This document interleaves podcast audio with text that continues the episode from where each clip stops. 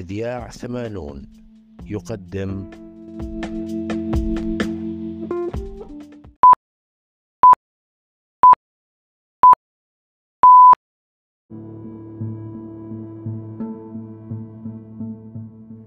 ومضات من أدب غسان كنفاني.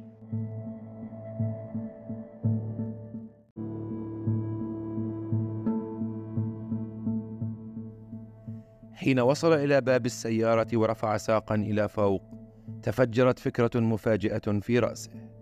بقي واقفا متشنجا في مكانه محاولا أن يفعل شيئا أو يقول شيئا. فكر أن يصيح إلا أنه ما لبث أن أحس بغباء الفكرة. حاول أن يكمل صعوده إلى السيارة إلا أنه لم يشعر بالقوة الكافية ليفعل. لقد شعر بأن رأسه على وشك أن ينفجر. وصعد كل التعب الذي كان يحسه فجأة إلى رأسه وأخذ يطن فيه حتى أنه احتواه بين كفيه وبدأ يشد شعره ليزيح الفكرة. ولكنها كانت ما تزال هناك كبيرة داوية ضخمة لا تتزعزع ولا تتوارى.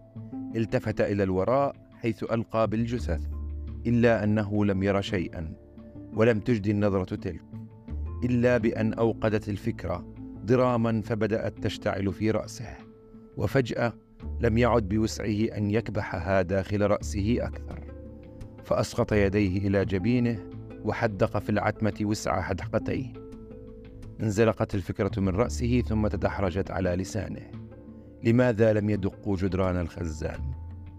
دار حول نفسه دورة ولكنه خشي أن يقع. فصعد الدرجه إلى مقعده وأسند رأسه فوق المقود. لماذا لم تدقوا جدران الخزان؟ لماذا لم تقولوا؟ لماذا؟ وفجأة بدأت الصحراء كلها تردد الصدى. لماذا لم تدقوا جدران الخزان؟ لماذا لم تقرعوا جدران الخزان؟ لماذا؟ لماذا؟ لماذا؟